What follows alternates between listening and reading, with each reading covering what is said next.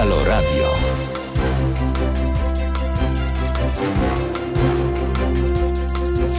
Witam Państwa serdecznie, to jest poranek w Halo Radio. Zaczynamy, będziemy się wspólnie budzić. Jestem dziennikarzem od 12 lat, co prawda dziś tutaj na gościnnych występach, ale mam nadzieję, że dostarczę panu, Państwu pozytywnej energii. Nienawidzę poranków, tak to już bywa. Moim państwa, państwa gościem jest psycholog Katarzyna Kucewicz, a poruszymy dzisiaj różne tematy, które nas denerwują. Będzie innymi o edukacji. Czy potrzebujemy zmian w polskiej oświacie?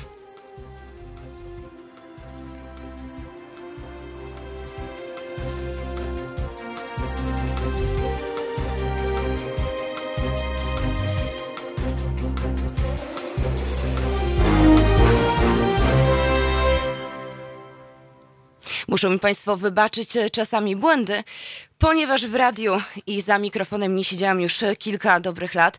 Tak jak wspomniałam, jestem dziś na gościnnych występach za Radosława Masłowskiego, który będzie tutaj tę audycję dla Państwa prowadził. A ponieważ my szanujemy swoich e, słuchaczy, to nie mogłoby być antenowej pustki. Wczoraj, jak e, umawiałam do studia naszego gościa, mówiłam, że będziemy rozmawiać o edukacji. Zacznijmy od tego. Dzień dobry, witam Panią serdecznie. Dzień dobry. Dzień dobry. Pani psycholog, Pani terapeuta, Mm, ale troszeczkę plan się zmienił. Wczoraj na jednym z profili trafiłam na taką naklejkę Stop mowie nienawiści. To, co zdarzyło się w urzędzie w Grudziądzu. Mężczyzna, który wtargnął e, do urzędu miasta, steroryzował siekierą e, dwie pracownice tego urzędu. Na szczęście nikomu nic się nie stało. To taki kolejny sygnał do tego, że chyba w Polsce nie dzieje się najlepiej, prawda? Skąd się bierze w nas ta mowa nienawiści?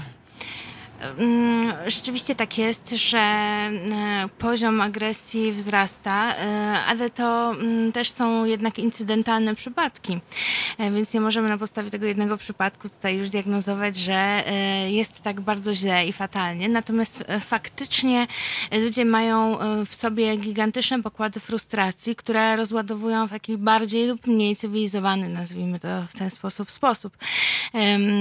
To może być wynik różnego różnego rodzaju e, frustracji, e, złości, nagromadzonej w sobie jakiejś zazdrości czy zawiści o to, że ktoś ma lepiej, o to, że ja mam źle, że nikt mnie nie rozumie.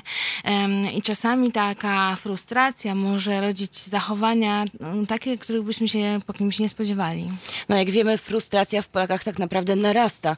Mamy coraz więcej osób z problemami psychicznymi, prawda? Coraz mniej, jak pokazują badania, radzimy sobie z tą naszą zwykłą codziennością.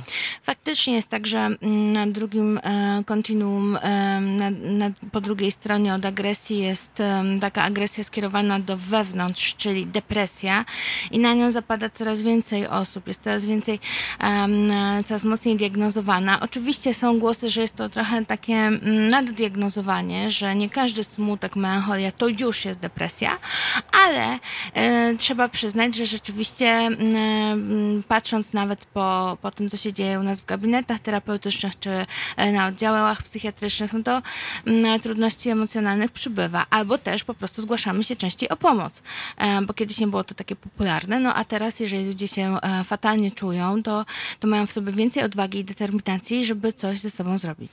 I z tego mogą brać się też nasze agresywne zachowania, prawda? Tutaj z tej frustracji. Rzeczywiście tak jest, że i w depresji, i w ogóle w e, frustracji mogą pojawić się, e, mogą pojawić się takie zachowania agresywne, takie wymykające się spod kontroli. No ale tutaj, tak jak mówię, czasami jest tak, że bez wsparcia e, profesjonalnego, no niewiele możemy sami zrobić. No właśnie, proszę Państwa, skoro się budzimy, to na początek pozytywna dawka muzyki.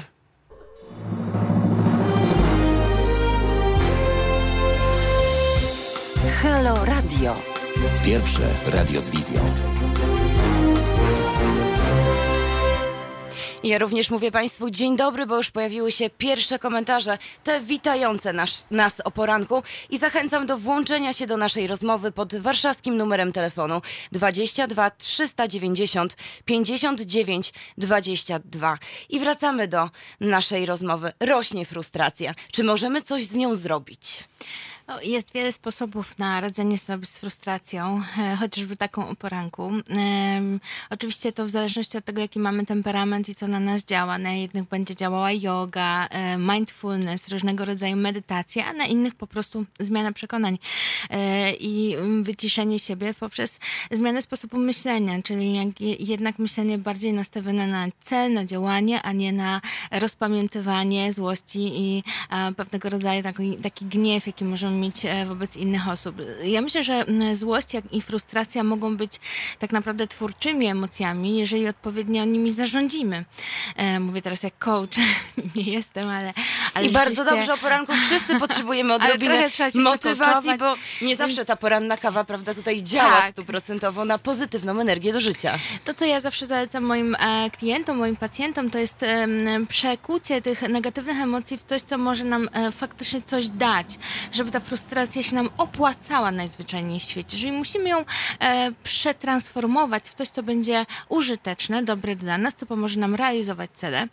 E, I myślę sobie, że m, mm, na przykład taka e, frustracja może być też e, przyczynkiem do tego, żeby wprowadzić w życie jakąś zmianę, żeby coś e, e, zmienić, ruszyć, żeby postarać się jakoś zawalczyć o siebie. I czasami jest tak, że są osoby, które motywują sukcesy, ale niektórych właśnie motywuje porażka, e, złość. No gniew. tak, bo każdą porażkę można przekuć w sukces i to jest chyba tak. ta dobra informacja. Tak, tylko właśnie to jest kwestia nastawienia, e, bo jeżeli my za bardzo ugrzęźniemy w takiej złości, w zazdrości, w zawiści, e, to e, frustracja będzie się tylko nakręcała, nie będziemy mogli nic z nią zrobić i w końcu dojdzie do eskalacji zachowań agresywnych, tak jak to powiedziałaś na początku o tej historii z Grudziądza. Natomiast jeżeli my frustrację przekujemy e, w jakiś plan, w jakiś cel, to ta złość może być takim motorem, takim e, napędem dodatkowym do tego, żeby, żeby się w końcu udało. No właśnie, ja myślałam, że e, po całej tak naprawdę kampanii dotyczącej mowy nienawiści, po tym, co wydarzyło się i do, wracając do tych tragicznych wydarzeń z Gdańska z początku roku, że jednak w Polakach obudzi się coś takiego, trzeba zacząć myśleć inaczej, trzeba mhm. trochę e, to swoje myślenie zmienić, e, przekuwać właśnie tą złość na pozytywne działanie, bo przecież ono jest motorem zmian. A tutaj okazuje się, że jednak wciąż pozostajemy tacy sami. Ja myślę, że ja bym tutaj tak nie generalizowała. Wydaje mi się, że my jako społeczeństwo się jednak trochę zmieniamy i e, rzeczywiście jesteśmy bardziej uważni na różnego rodzaju przejawy, na przykład hejtu, e, czy, czy też e, mowy nienawiści, że e, e, zmienia się ta świadomość e, tego, co wolno, czego nie wolno. Natomiast oczywiście zdarzają się przypadki skrajne i one zawsze będą się zdarzać. Nie, nie uda nam się uniknąć tego, że co jakiś czas jakiś tam kilka procent społeczeństwa będzie wy, wykazywało tak agresywnie agresywne zachowania, które mogą być wynikiem na przykład zaburzeń emocjonalnych, zaburzeń osobowości czy, czy jakichś innych dysfunkcji. No właśnie, proszę Państwa, dzisiaj mają Państwo okazję do tego, aby na, zapytać naszą panią psycholog, czy poradzić i jak poradzić sobie w trudnych sytuacjach. Ja zachęcam do czynnego udziału w naszej dyskusji pod numerem telefonu 22 390 59 22. A teraz znów pozytywna dawka muzyki.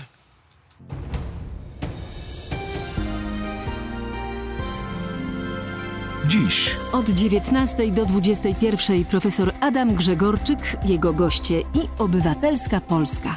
19.21 www.halo.radio. Słuchaj na żywo, a potem z podcastów.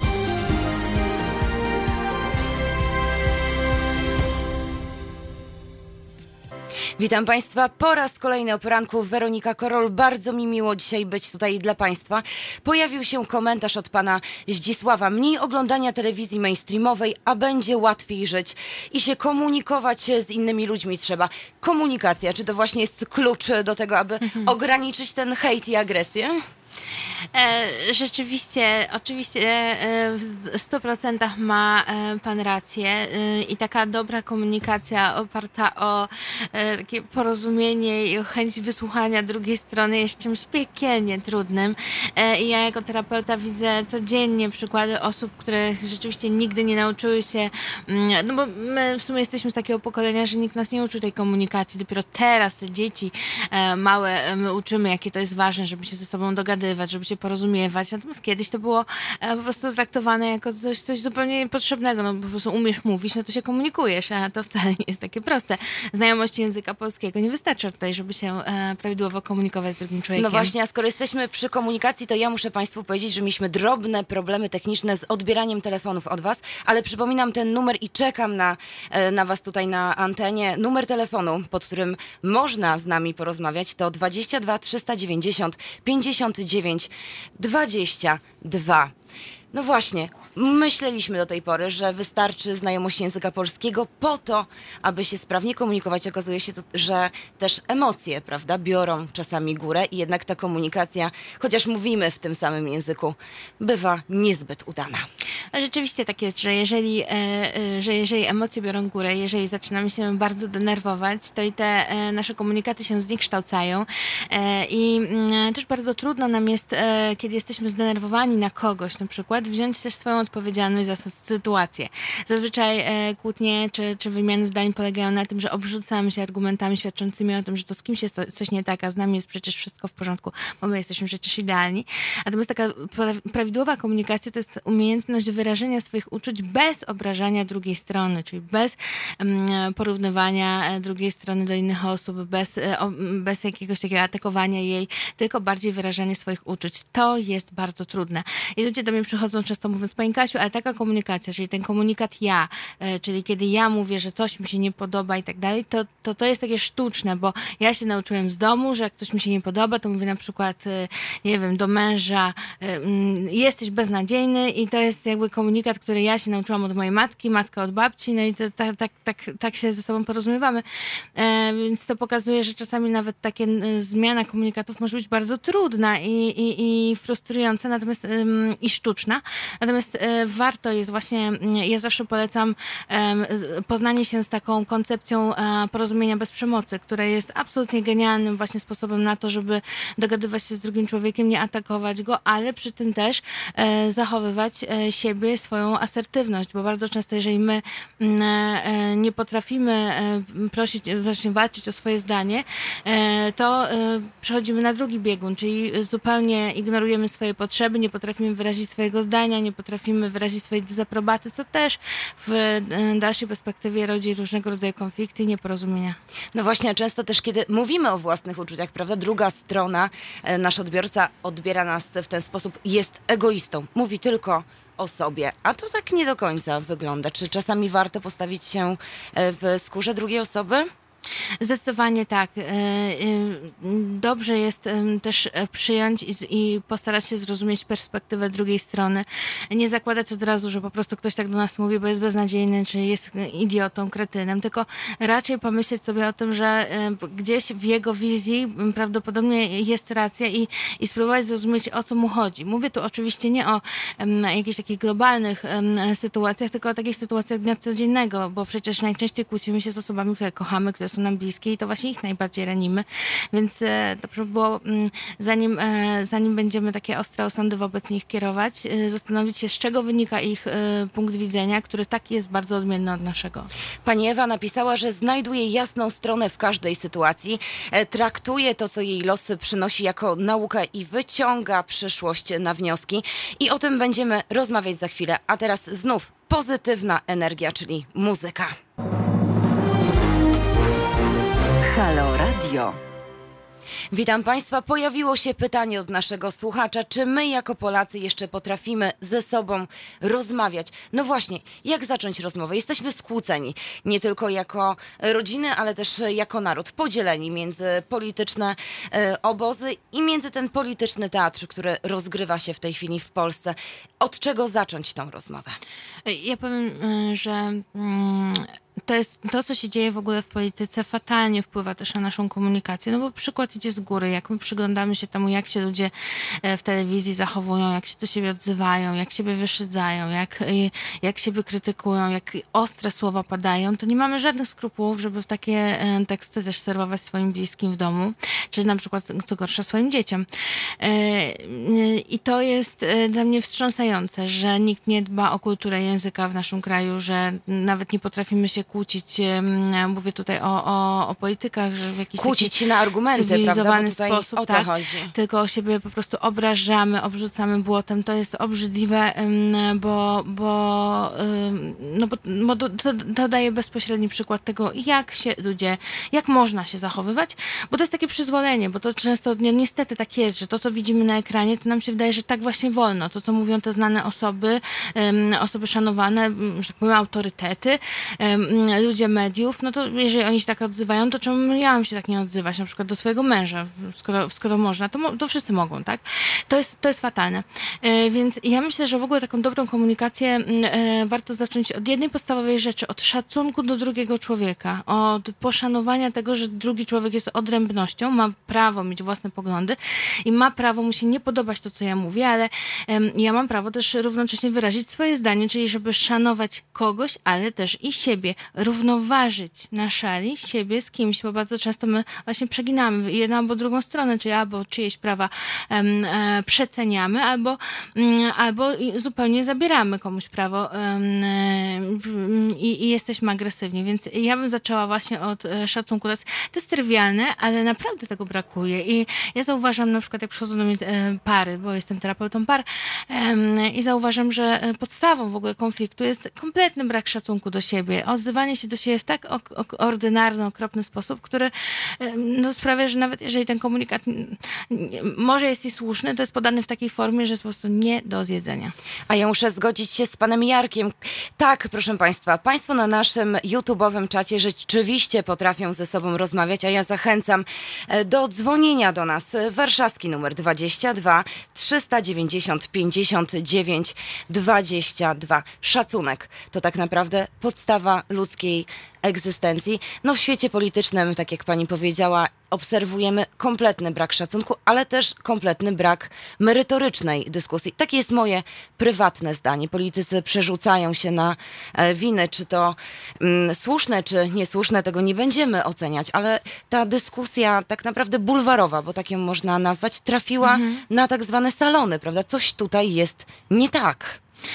Mm, To prawda, że e, rzeczywiście jakby poziom e, tej debaty jest e, fatalny i on bezpośrednio wpływa na to, jak my na przykład zwracamy się do swoich pracowników, współpracowników, nie tylko w domu, ale też i na przykład w miejscu pracy. Stąd tak bardzo dużo takich zachowań, które już można pod, podłożyć na przykład pod mobbing, więc, mm, więc tak naprawdę mm, taka nieumiejętność takie, mm, takie fatalne przykłady komunikacji bardzo źle robią. To jest tak samo jak na przykład mm, politycy popełniają jakieś błędy językowe, czy, czy jakoś e, niewyraźnie mówią, to też mi się z tego, e, ludzie się czasami z tego śmieją, albo e, o, mówią, o tak nie wolno, nie wolno na przykład napisać coś przez uzwyk, uzwykłe, co miało być przez oskreską i tak samo jest tutaj z komunikacją. Też powinniśmy dbać o dobre standardy.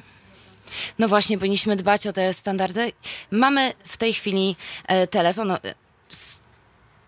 Dzień dobry, witam serdecznie. Serdecznie, Sebastian z Łodzi. Dzień dobry, bardzo Ja nam miło.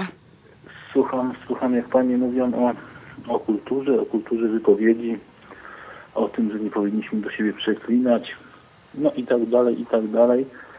I wnioskuję tutaj jedną rzecz, no to co mówił bardzo często Kubuś Wątły, że to jest elementarz, elementarz wychowania. Jeśli nie pasuje Ci sąsiad, z którym się pokłóciłeś, to nie należy go wyzwać od brudasa, śmierdziela i tak dalej, tylko pójść z nim porozmawiać. I na dobrą sprawę w każdym takim naszym e, tutaj codziennym zachowaniu też możemy tak się zachować, prawda? No właśnie, ale też możemy chyba wzajemnie uczyć się tego szacunku w rozmowie, prawda? Bo jeżeli damy pozytywny przykład, to ten sąsiad też nas, y, czy kolejnego sąsiada nie będzie wyzywał w sytuacjach konfliktowych. Bardzo cenna uwaga, zgadzamy się z panem stuprocentowo.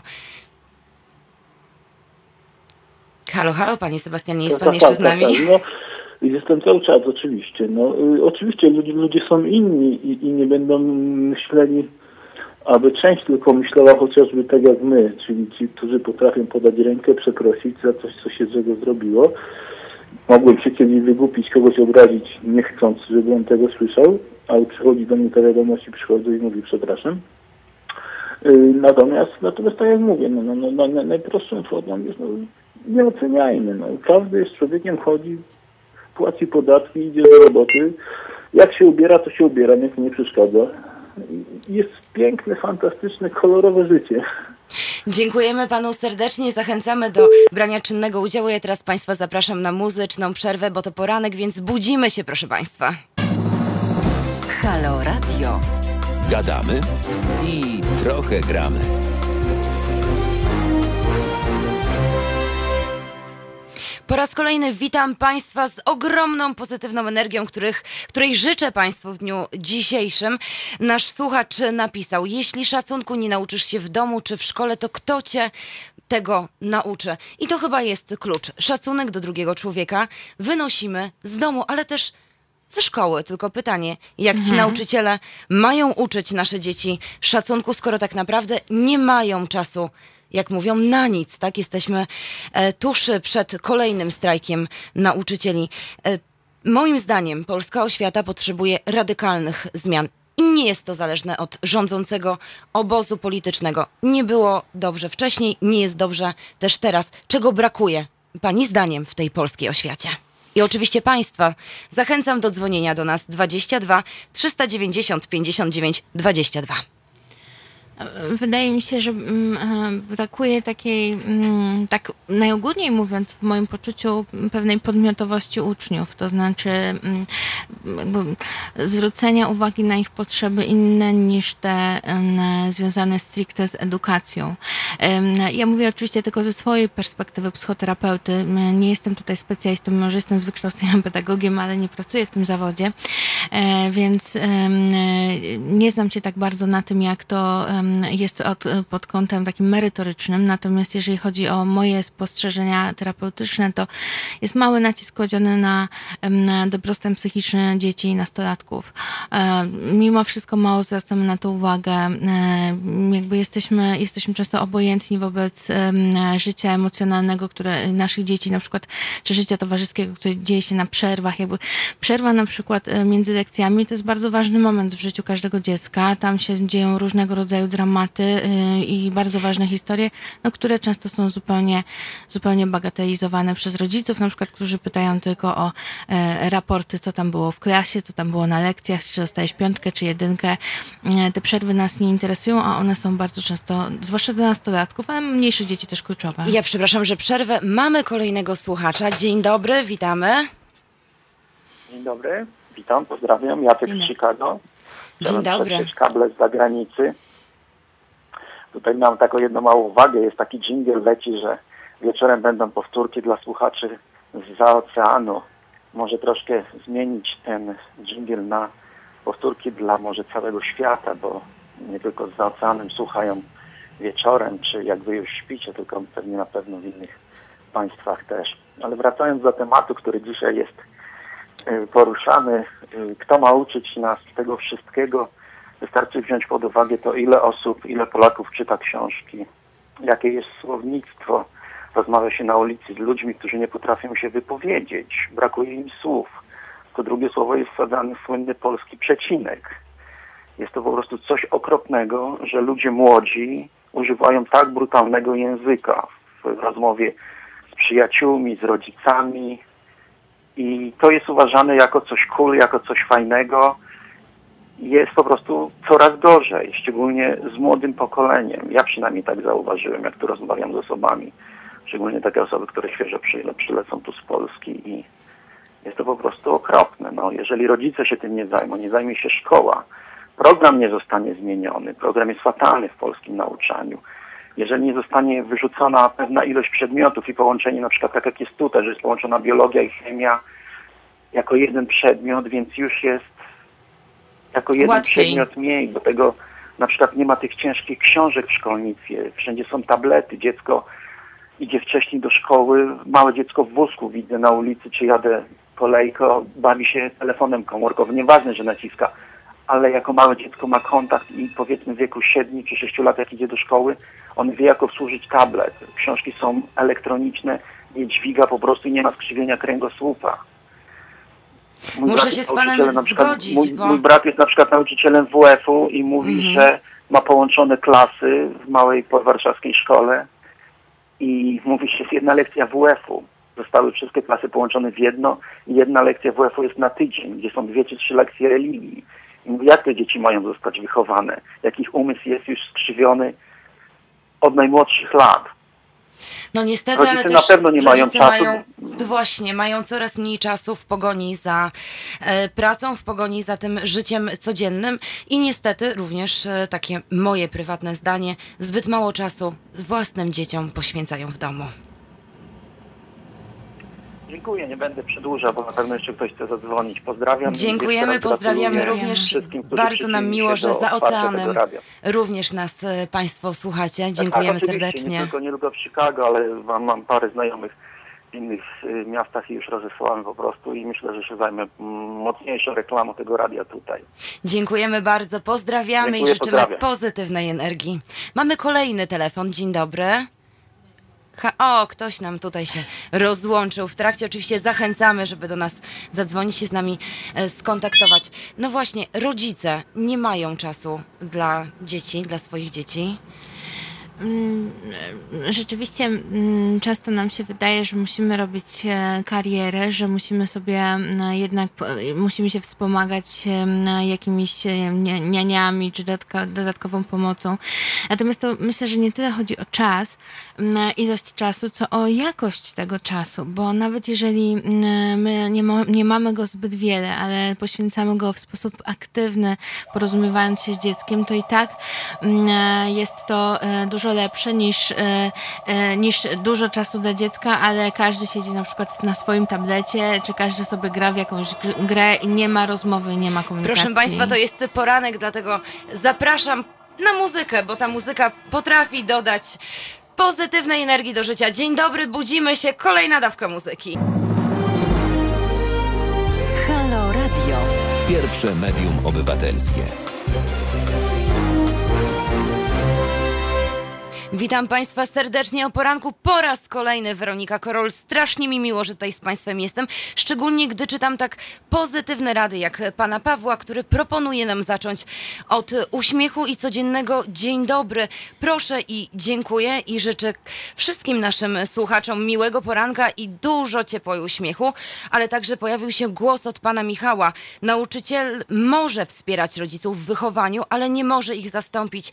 I niestety, chociażby stał za uczniem murem, to, to rodzice są podstawą tego wychowania, prawda? I to wychowanie, ten szacunek do drugiego człowieka musi brać się z domu. No nie ma innej możliwości. Oczywiście, że tak. No, Nauczyciel jest tylko wspomaganiem. Natomiast e, ja myślę, że z tym szacunkiem, tak trochę wkładając jednak kij w mrowisko, żeby nie było za wesoło, e, to z tym szacunkiem to jest tak, że mm, najtrudniej nam zachować szacunek wobec osób, które na przykład jawnie wydają nam się beznadziejne, jakichś takich trudnych poglądach bardzo nam do przejścia, czy e, takie, które wydają nam się- się kompletnie jakby, nie wiem, nie zasługujące na przykład na poklask, a go mające, czy wobec których mamy bardzo dużo urazy.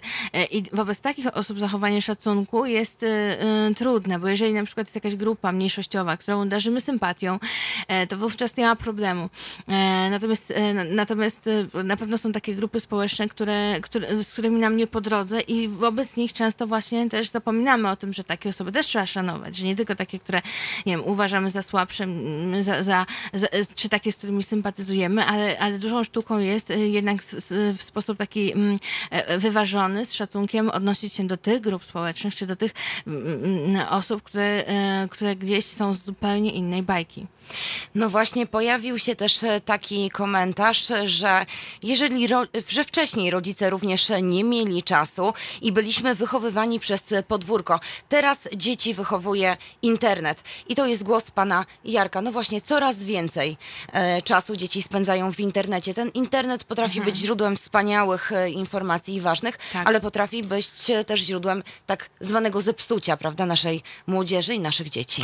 Y, Tak, rzeczywiście z internetem jest olbrzymi problem, bo to, co powiedział tutaj e, nasz słuchacz, e, że e, fajnie, że dzieci mają te tablety, nie są takie przeciążone, bo mogą sobie czytać podręczniki Ale też z jednej zwróć- strony, tak, ale tylko, że zwracajmy uwagę, co tam jest w tych tabletach, bo No właśnie, ale zwrócił uwagę też na to, że malutkie dzieci już często. Tak. I to dla niego jest niepokojące, prawda? Tutaj. No właśnie, bo, bo małe dzieci, kiedy, kiedy już, nie wiem, trzyletnie czy czteroletnie dzieci, które siedzą w telefonie i grają sobie w gry, często też wchodzą na takie strony, których oglądać nie powinny, czy grają w takie gry, czy oglądają takie filmiki, których oglądać nie powinny. Natomiast to, co ja z trwogą e, e, obserwuję, to to, że rodzice bardzo często nie zdają sobie sprawy z tego, co robi dziecko w tym telefonie, bo kiedy ja na przykład pytam moją pacjentkę, ale co tak, co, co robi w telefonie ten pani syn, że on od godziny siedzi i tam coś robi, ona mówi, nie wiem, nie znam się na tym pani Kasiu, ja nie umiem obsługiwać tego smartfona. No to jest masakra, dlatego że e, dzieci mają dostęp do bardzo różnych treści, bo internet jest pełen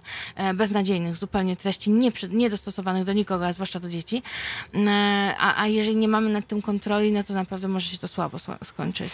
No właśnie, pojawił się też komentarz e, pana Pawła. Nie tylko rodzice uczą dzieci, otoczenie również. Problem jest e, też, że rodzice pracują do późnych, do późnych godzin nocnych i kontakt z dziećmi jest czasowo ograniczony. Mamy również spostrzeżenie, że elementarzem jest szacunek do drugiej osoby, który jest tak naprawdę podstawą tego wszystkiego. Pan Paweł e, z kolei napisał do nas, że szkoła powinna przestać e, uczyć zero-jedynkowo, czyli 2 plus 2, bo nie wszyscy rodzice to potrafią, a wyrównywać e, szanse. Ja zapraszam Państwa znów na pozytywną dawkę muzyki.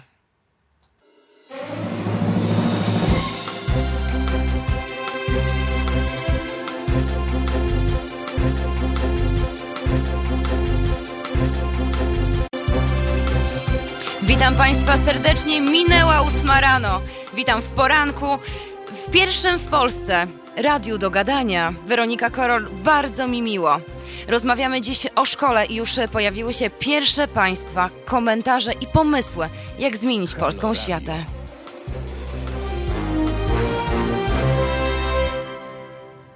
Jest ósma rano, większość dzieci już e, wyszła do szkoły i rodzice mogą teraz chwilę odetchnąć przy porannej kawie. Przynajmniej tak to działa w moim domu i pojawiły się pierwsze propozycje. Szkoła z normalnym programem, z nauką szacunku i miłości do drugiego człowieka. Ale pojawił się też komentarz, że w dzisiejszych czasach nauczyciele nie mają możliwości wychowywania dzieci, bo po prostu nie mają na to czasu. Jesteśmy tuż przed strajkiem nauczycieli. Ten będzie wyglądał zupełnie inaczej. Nauczyciele będą strajkować w tak zwany włoski sposób, czyli lekcje będą odbywać się normalnie. Nie będzie zajęć pozalekcyjnych. Dla części rodziców może być to dosyć duże utrudnienie. Dzieciaki, czy rzeczywiście może to wpłynąć na ich psychikę? Kółka zainteresowań, a tutaj nagle ich nie ma. Ja myślę, że e, to, co jest pozytywne, to to, żeby dzieci widziały, że o swoje prawa warto walczyć i e, o swoje, e, o swoje dobre życie war, warto czasami mocniej rzeczywiście tutaj wyjść, wyjść i zacząć coś robić, nie tylko narzekać, ale i działać. Ja myślę, że młodzież, dzieci patrząc na tego rodzaju strajk, jakby uczą się, mam wrażenie, uczą się tego, że, że, że warto jest e, jednak walczyć i iść po swoje, a nie e, godzić się biernie na to, co e, przynosi los. Pamiętam, jak był strajk psychologów i zarzucano nam, że biedni pacjenci jakby są pozbawieni opieki, bo my strajkujemy. To było kilka lat temu i też mówiliśmy o tym, że no, pacjenci dzięki temu widzą, że o swoje warto zawalczyć. To jest jakaś tam cenna lekcja i myślę, że do dzieci tak samo. Natomiast jeżeli chodzi o zajęcia pozalekcyjne, no to ja tutaj mam bardzo dużo zawsze wątpliwości co do tego, e, na ile te zajęcia pozalekcyjne są e, dedykowane rodzicom i ich niespełnionym ambicjom, a na ile są rzeczywiście e, wynikają z potrzeb dzieci. I tu mam wrażenie, że jest duży rozdźwięk miejscami. Pojawił się również komentarz, że teraz szkoła produkuje wyrób, a nie uczy. E, I nie chodzi tutaj o partię, tylko o to, czym głupszy człowiek e, od małego, tym łatwiej go urabiać. Czy to prawda, że szkoła ogłupia nasze dzieci, pani zdaniem? Bo przychodzą, przychodzi młodzież, prawda, na już niestety coraz młodsze dzieciaki tak naprawdę na terapię, które nie radzą sobie z rzeczywistością i to nie tylko szkolną. No, trudno powiedzieć, że szkoła ogłupia, to myślę jest za mocne i, i ja się z tym nie zgadzam, że ogłupia, natomiast zgadzam się z tym i być może autorowi komentarza właśnie też o to chodziło, że produkuje w, tutaj... Znaczy nie, nie napisał autor komentarza, że szkoła głupia, tylko czym głupszy człowiek od małego, tym łatwiej go mhm. urabiać. Aha, aha. Mhm. Rzeczywiście ja się zgadzam z tym, że e, szkoła produkuje um, osoby, które um, później są świetnymi pracownikami korporacji, bo osoby bardzo takie rywalizacyjne, ta rywalizacja pojawia się totalnie wcześniej, takie dążenie po trupach do celu, e, nastawienie na wyniki, czyli nastawienie na oceny. Rzeczywiście taki, taki typowo korporacyjny sznyt. Wyścig, wyścig szczurów. szczurów. Dokładnie. Zaczyna się już e, jakby w pierwszej klasie szkoły podstawowej, co jest totalnie słabe, bo to zabija, zabija kreatywność, zabija też samoocenę bardzo. Mm, I, I moim zdaniem jest szkodliwe, natomiast w polskiej szkole nadal bardzo popularne. Stąd na przykład większość ludzi jakby pracuje w korporacjach, chociaż wcale by tak nie musiała. E, e, no bo, no bo korporacje to jest takie właśnie przedłużenie trochę szkoły, gdzie dalej jest jakiś tam pan dyrektor, który wystawia mi stopnie i ja się wobec tego jakoś ustosunkowuję. No właśnie, komentarz zdecydowanie szkoła musi wielu rzeczy uczyć, o których zapomina. Proszę Państwa, muzyka, poranek to muzyka, pozytywna energia.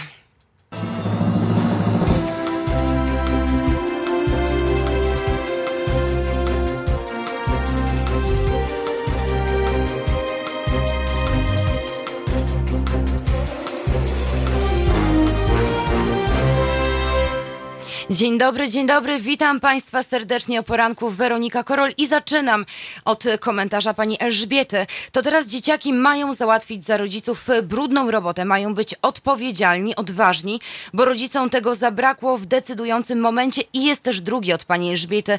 Tak jasne, to gdzie te dzieci miały nauczyć się podstaw obywatelskich w domu, od rodziców, z nauk nie wychylaj się, nie ryzykuj, siedź cicho. No właśnie, coraz częściej wydaje mi się, że rodzice mówią nie wychylaj się. Po co? Po co stać w tym pierwszym szeregu? Dlaczego narażać się na nieprzyjemności? Dlaczego wdawać się w dyskusję z nauczycielem czy z kimkolwiek innym? Nawet jeżeli masz rację, mhm. lepiej się schować. To mhm. chyba niebezpieczna postawa, nie tylko postawa obywatelska, ale też ludzka postawa. Mhm. Nie wiem, czy coraz częściej. Ja myślę, że jednak coraz rzadziej, że y, to pokolenie milenialsów, czyli osób urodzonych między 80, mniej więcej między 80 a 90 rokiem, to są osoby, które wychowywano, czy, czy, czy wcześniejsze pokolenia w takim kulcie, no właśnie nie wychylaj się, nie odzywaj, jakby pokorne ciele, dwie matki się i tak dalej. Natomiast teraz e, rzeczywiście dzieci są moim zdaniem bardziej takie przebojowe, bardziej pewne siebie, bardziej potrafią postawić na swoim, bo już odchodzi do lamusa powiedzenie dzieci ryby głosu nie mają i dajemy dzieciom prawo bardziej do właśnie do, do mówienia o swoich uczuciach, do wyrażania. Nie traktujemy dzieci tak jakby były to tylko jakieś zabawki do postawienia w, e, na półce i podziwiania. E, I natomiast, natomiast rzeczywiście ci rodzice, którzy pacyfikują emocjonalność dzieci, czy wyrażenie przez nich swojego zdania, czy na przykład sprzeciwu, czy którzy w, w wkładają w głowę dziecka taką retorykę, że lepiej, żebyś się tam e, cicho siedział, nie odzywał, e, nie, nie, nie zwracał na siebie uwagi, to sobie spokojnie przejdziesz e, i, i przez życie i, i, i dużo jeszcze na tym zyskasz. Mm, no to to jest taka postawa właśnie takiej bierności, takiej obojętności i też takiego bardzo mocnego nastawienia na siebie, bo z takich dzieci później wychodzą osoby, które są mocno egocentryczne, nastawione na, na to, że one muszą sobie tutaj zapewnić komfort życia bez względu na to, co się dzieje dookoła. Myślenie o jednostce, a nie globalne, prawda? Tak. O, że tak. moja postawa tak naprawdę ma też wpływ tak. na resztę świata. Ale to są też, tak, e, i to jest właśnie tak, że to nie wychylaj się, e, może skutkować tym, że później takie osoby na przykład nie chcą chodzić na wybory, dajmy na to. No bo też mają takie poczucie, a dobra. Bo mój głos nic mój, nie zmienia. Głos Jeden nic głos, nie zmieni. Tak, to i tak nic nie znaczy, bo posiedzę sobie w, z, z tyłu i będę tak z tyłu obserwował bo, bo te postawy przecież też z czegoś wynikają. One nie, wy, nie wynikają z lenistwa, że nam się w tą niedzielę nie będzie chciało pójść przyszłą jeszcze w kolejną e, e, pójść, tylko, tylko wynikają z tego, że mamy jakąś taką wewnętrzne poczucie właśnie, że to nic nie znaczy, że, że moje zdanie się nie liczy i tak dalej. Pojawił się też e, komentarz, że nauczyciele nie mają czasu, bo mają e, przeładowany ten program, a rodzice całe dnie spędzają w pracy, więc też tego czasu nie mają, a dzieci wychowywane są przez ten system, przygotowane do wejścia tak naprawdę na rynek pracy. To jest komentarz od pana Mariusza. Ja zachęcam państwa do dzwonienia do nas pod numer telefonu 22 390 59 22. A teraz muzyka, muzyka, muzyka, muzyka, muzyka łagodzi obyczaje. Taki komentarz też się pojawił.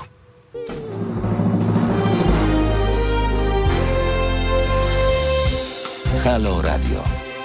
Pierwsze radio z wizją. Dzień dobry, dzień dobry. To jest nasz poranek. Poranek również dla Państwa, dlatego zachęcam do tego, aby brać czynny udział w naszej dyskusji, również dzwoniąc do nas pod warszawski numer telefonu 22 390 59 22. A ja teraz pozwolę sobie zacytować kolejny komentarz, że bez pieniędzy dla nauczycieli i odsunięcia starców politycznych nic się nie zmieni. Brak wizjonerów i odważnych polityków, odważnych mówców.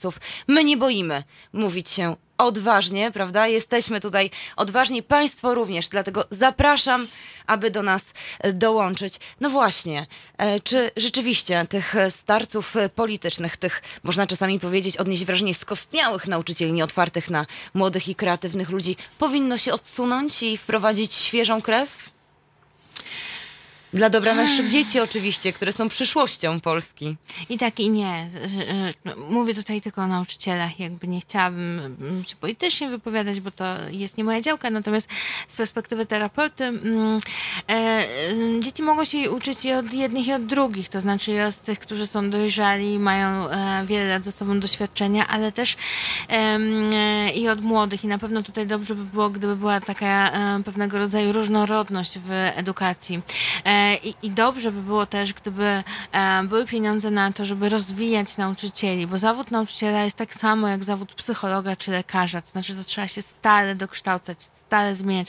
Wyobraźmy sobie lekarza, który by bazował na swojej wiedzy z podręcznika do lat, z lat 80., którego się uczył, tak? No to byłaby masakra. I tak samo jest niestety w tym zawodzie nauczyciela, że też e, jakby pedagogika to jest dziedzina, która się bardzo dynamicznie rozwija. Natomiast jeżeli my nie nadążamy za tym, co jest aktualnie, jakie co pokazują badania, na czym na przykład, nie wiem, kiedy dzieci się najlepiej skupiają, co najbardziej trafia do dzieci, no to się zmienia i to, to, to warto nad tym nadążać.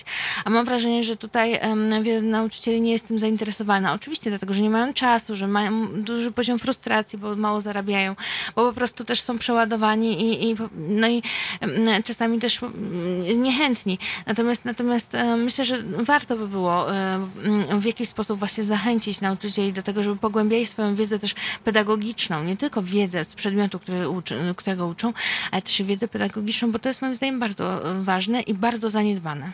Pani Elżbieta napisała, że ludzie przestali ze sobą współpracować, zaczęli rywalizować po ludzku.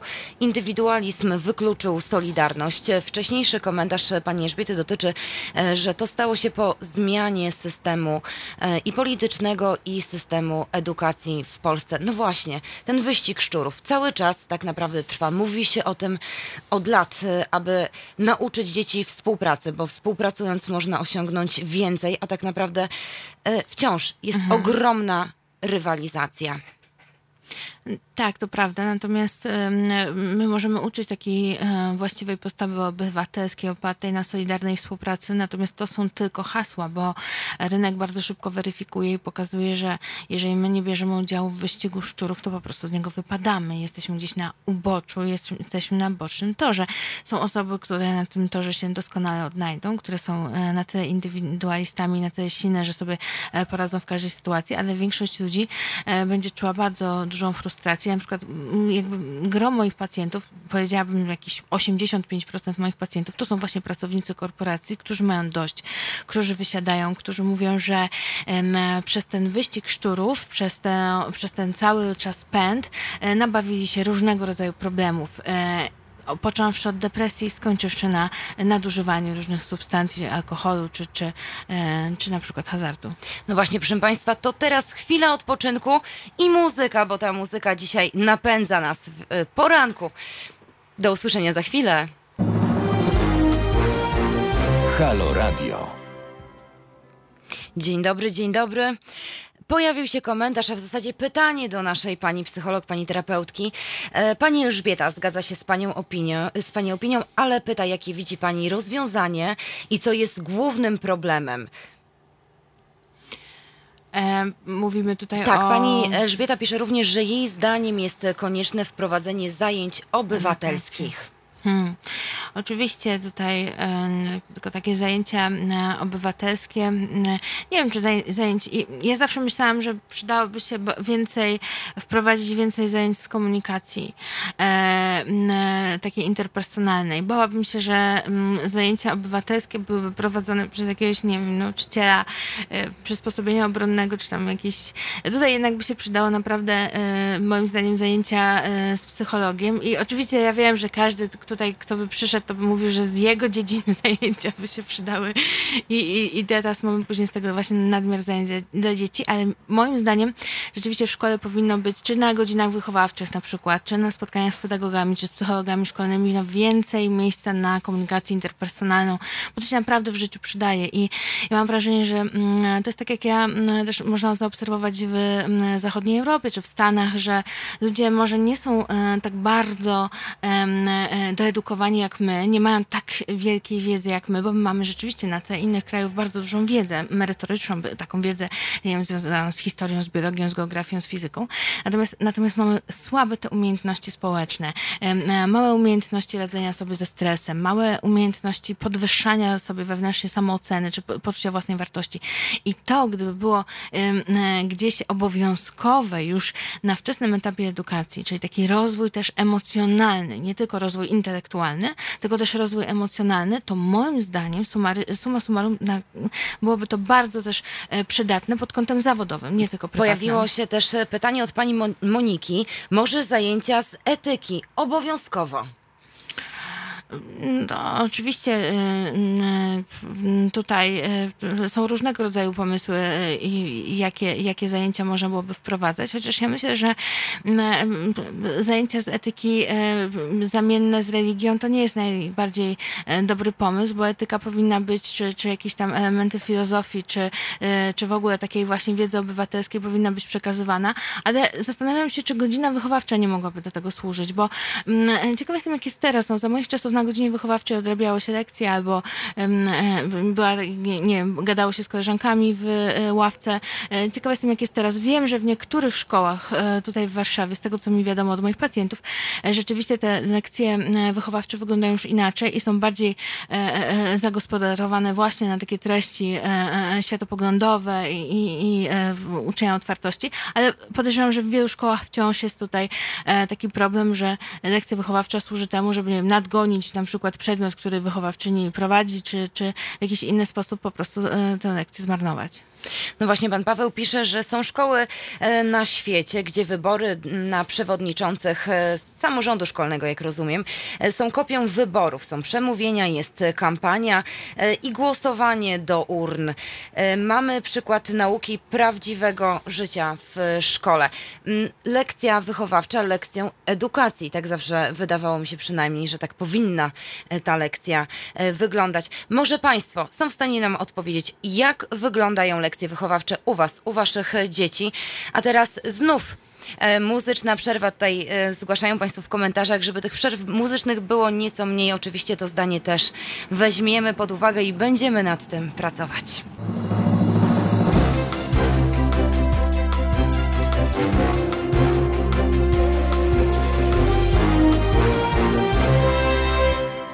Dzień dobry, dzień dobry. Weronika Korol z tej strony, a ja spieszę z odpowiedzią na Państwa komentarze e, o tym, że za dużo jest tej muzyki w naszej dzisiejszej audycji, że trzy słowa e, i przerwa. Mm, uczymy się. Niestety dziś e, tak e, to będzie wyglądać, ale Państwa komentarze nie pozostają dla nas obojętne. Dziękujemy również e, za docenienie, na przykład przez Pana Krzysztofa. Świetna audycja. My również dziękujemy i pozdrawiamy oraz również to, że wszystkie trzy Panie są świetne. Bardzo miło nam czytać właśnie takie komentarze. Pojawił się też komentarz dotyczący mojego pytania. Jak wygląda u Państwa w szkole godzina wychowawcza? Pan Marcin Marcin pisze, że to po prostu godzina wolna. Godzina wychowawcza to dobry pomysł, tylko wychowawca musi być kreatywny.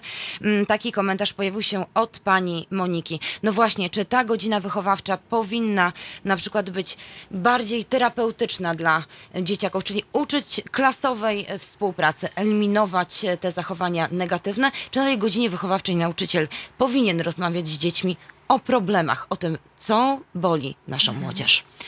Zdecydowanie tak. To naprawdę miało dobry e, skutek, gdyby e, zauważać i mówić otwarcie o konfliktach, o różnego rodzaju sprzeczkach, jakie są w klasie, e, żeby rozładowywać atmosferę, żeby godzić dzieci ze sobą, żeby zapobiegać też zachowaniom takim bullyingowym, czyli przemocy rówieśniczej, które jest naprawdę jest to bardzo niepokojące zjawisko, które rzutuje na całą przyszłość takiego mm, szykanowanego dziecka. Mm, nie tylko na na jego przyszłość szkolną, ale też w ogóle na życie dorosłe. Natomiast przemoc rówieśnicza często jest e, jednak takim problemem bagatelizowanym, takim, na który przymyka się oko. E, I, tylko, że mam wrażenie, że tutaj niestety nauczycielom brakuje tych pewnych kompetencji, że takie rzeczy powinny robić, na takie lekcje wychowawcze powinny, powinny być e, one prowadzone w asyście psychologa szkolnego czy pedagoga szkolnego. I tutaj oczywiście możemy powiedzieć, no tak, ale kto da pieniądze na takiego psychologa czy pedagoga, ale przecież takie osoby są w szkołach zatrudniane, tylko no one są zazwyczaj nasz... emergency, na jakieś takie bardzo trudne przypadki. Jak już się naprawdę coś strasznego stanie, to wtedy wkracza tam pani pedagog Często za późno niestety. Tak. Natomiast, a tak to czeka w swoim gabinecie, aż ktoś przyjdzie. Wiadomo, że dziecko samo nie przyjdzie y, y, po pomoc do psychologa, no bo, y, czy do pedagoga, no bo to będzie znaczyło, że jakieś jest słabe i sobie nie radzi w jego umyśle i w umyśle jego rówieśników. Więc, więc takie rzeczy dobrze jest też pokazywać dzieciom i, i zachęcać do, do, do właśnie korzystania z pomocy, jeżeli jej potrzebują. No właśnie pojawił się też komentarz, że do takiej pani psycholog chętnie bym poszedł sympatyczna, mhm. ale również pojawiło się po raz drugi e, pytanie, e, co to za konsola? Pytam, czy to model IP12. E, I tutaj tak, to, to właśnie jest ten model. Również na to odpowiadam. Nie mogę takiego komentarza zignorować. Tutaj nasza kochana realizatorka macha właśnie i się uśmiecha.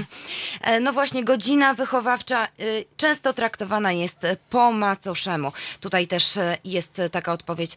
Godzina wychowawcza również z tego co widzę Państwa zdaniem powinna być e, godziną takiej trochę klasowej e, terapii. A ja znów muszę powiedzieć, mają Państwo czas na wypicie kawy przy odrobinie muzyki. Oczywiście już wiem, że ta muzyka jest dla Państwa trochę za często. Ale mamy jeszcze, mo, może mogą Państwo do nas dzwonić, nie zdążyliśmy odebrać teraz e, telefonu pod warszawskim numerem 22 390 59 22. Chętnie usłyszymy tutaj na antenie, mm, jak wygląda u Państwa w szkole, u Państwa dzieci w szkole ta godzina e, wychowawcza i jakie mają Państwo tak naprawdę zastrzeżenia do tej naszej polskiej edukacji, czy pomysły na to, co można byłoby zmienić? Halo Radio.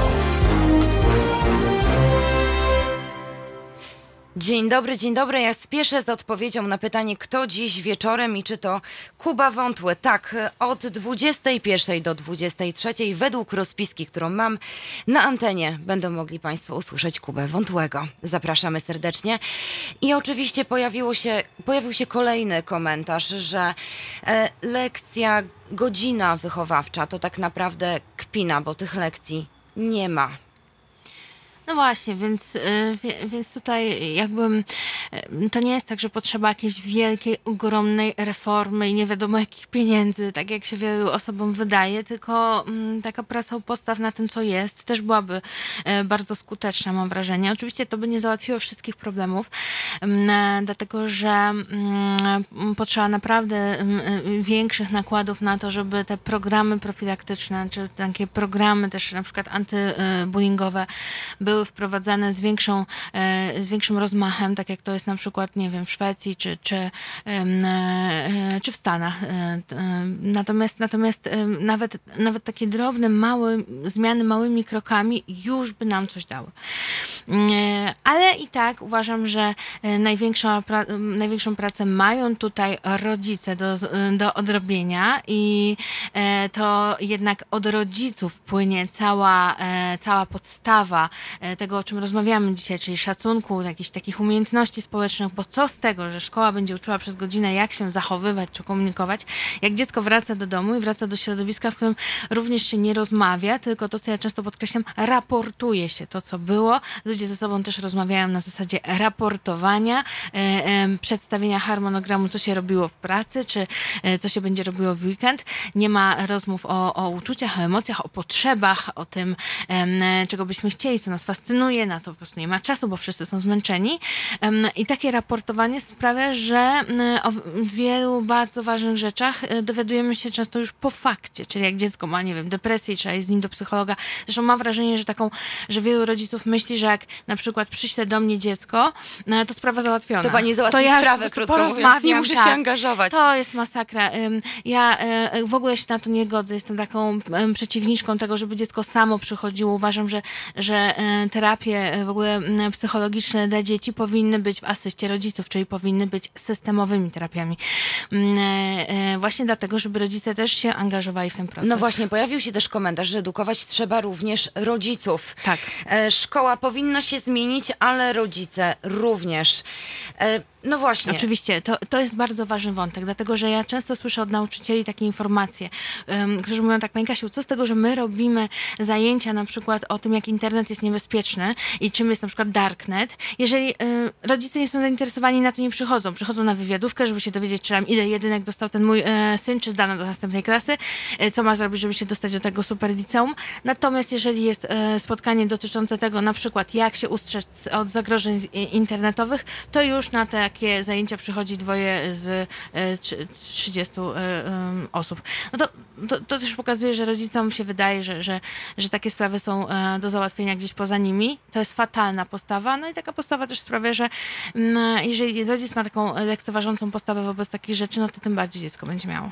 No właśnie, proszę Państwa, ja przypomnę nasz numer telefonu warszawski 22 390 59 i 22. Zapraszam do tego, aby do nas dzwonić, aby pytać Dziś mogą Państwo porozmawiać z psychologiem, z terapeutą. Może pani psycholog poda Państwu odrobinę lekarstwa właśnie na te codzienne bolączki.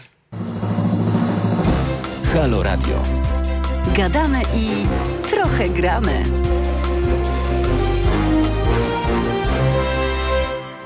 Dzień dobry, dzień dobry, to już prawie dziewiąta. Mam nadzieję, że Państwo rozbudzeni z pozytywną energią na dzisiejszy dzień. Przypominam, jest piątek, a to początek weekendu. Pojawił się również komentarz dotyczący tego, że częstym problemem jest wypalenie zawodowe i bezstresowe wychowanie. Że rodzice mówią, nie, moje dziecko jest grzeczne, przecież to, taka, to takie grzeczne dziecko. Potem układa się obrazek, że finalnie problem hejtu zamiatany jest pod dywan. No właśnie, coraz więcej agresji wśród dzieci i młodzieży, coraz więcej frustracji, coraz więcej hejtu i coraz mniej tak naprawdę mhm. pomocy również, bo zapracowani rodzice, dzieciaki, które nie wiedzą, gdzie szukać tej pomocy i słyszymy o coraz większych tragediach. E, badania najnowsze mówią o tym, że bardzo małe dzieci, już w wieku 7-9 lat, coraz częściej decydują się na ten krok ostateczny, jakim jest samobójstwo. To bardzo mhm. niepokojące. Mhm.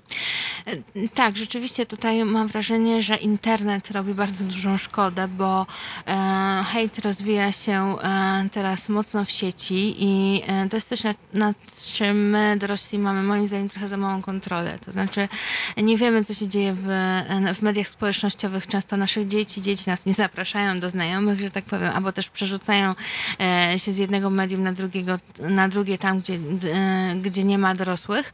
Mm, I tam się już rzeczywiście dzieją rzeczy, które są absolutną cyberprzemocą, tak? Czyli jakieś tam mm, komentowanie, czy ich zdjęć, obrażanie, no czy taki hejt w czystej postaci, który nawet dla dorosłej osoby jest trudny i przykry e, i, i poddawany w dużej dawce może wywołać takie nastroje depresyjne, to co tym bardziej w dziecku, które ma mniejsze zasoby emocjonalne, intelektualne, żeby sobie poradzić z e, krytyką, żeby oddzielić taką konstruktywną od tej, e, która jest po prostu zwykłym hejtem, mm, więc, więc rzeczywiście to jest duży problem ja tak się odniosę jeszcze do kwestii bezstresowego wychowania, bo często nam się wydaje, że tak naprawdę bezstresowe wychowanie, takie jakie my mówimy, kiedy krytykujemy je, to jest takie e, zniekształcone podejście, bo rzeczywiście to dobrze jest dziecka nie stresować. Ja jestem zwolenniczką takiego bezstresowego wychowania, ale jednak e, rozsądnego, czyli opartego o pewne ramy i zasady, zasady komunikacji, zasady e, asertywnego porozumienia porozumiewania się ze sobą, e, szanowania swoich granic i stawiania tych granic. E, natomiast e, wielu rodziców opacznie rozumie i, i łączy bezstresowe wychowanie z takim total, po prostu brakiem wychowania, z takim brakiem zainteresowania tak, życiem dziecka. Oczywiście, z takim tylko dawaniem dziecku na przykład pieniędzy i nie poświęcaniu mu w ogóle czasu wolnego swojego. To nie jest wychowanie, tak? No bo wychowanie sugeruje, że my poświęcamy pewien wysiłek, żeby coś komuś włożyć do głowy. Więc, więc jeżeli więc jeżeli tego nie robimy, to nie możemy mówić o wychowaniu. Wtedy po prostu wychowania nie ma. E, dziecko wychowuje się wtedy samo, e, a to jak się wychowa, no to już jest, są takie dzieci, które są w stanie jakoś sobie z tym e, poradzić, bo są takie dzieci, no ale większość będzie jednak miała tu pewne deficyty i braki. Tak, Proszę tak. Państwa, a czy Państwo obserwują media społecznościowe swoich dzieci, czy i w jaki sposób je Państwo kontrolują i jak radzą sobie z tymi sytuacjami kryzysowymi? To jest moje pytanie. Mam nadzieję, że tutaj w komentarzach pojawią się odpowiedzi. Jeszcze tylko przypomnę nasz numer telefonu 22 390 59 22. Halo Radio.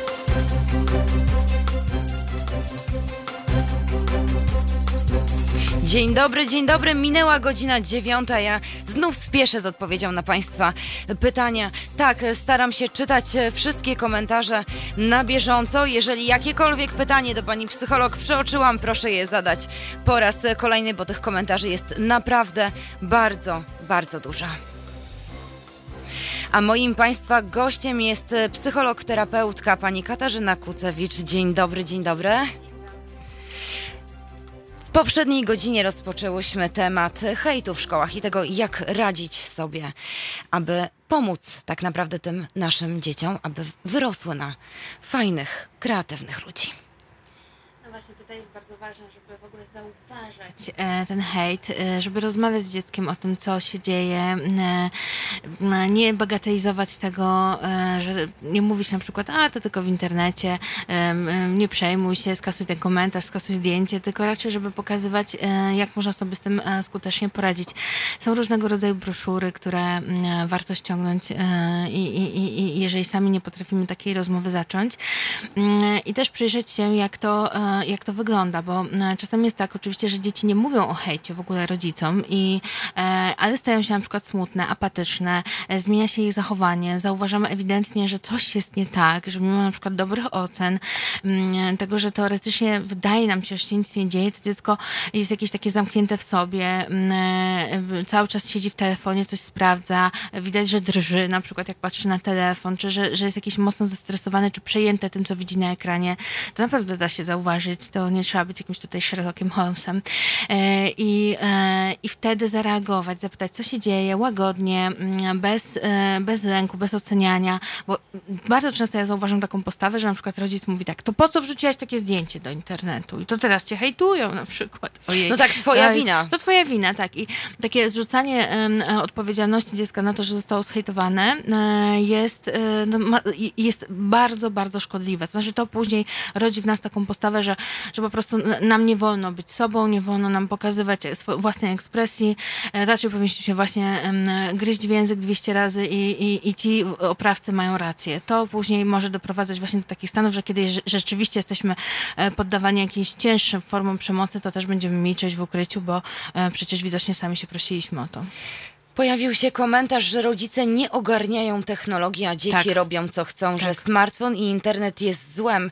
To doskonałe narzędzie, cały świat w kieszeni, e, ale jak każde narzędzie może być używane również w zły sposób, tak e, po prostu. Oczywiście. No właśnie, bardzo często nie znamy tych nowych mhm. technologii. Ja jako rodzic mogę przyznać się osobiście, że cały czas uczę się nowych aplikacji, mhm. staram się w jakiś sposób je kontrolować, ale bardzo ciężko jest mi znaleźć granice między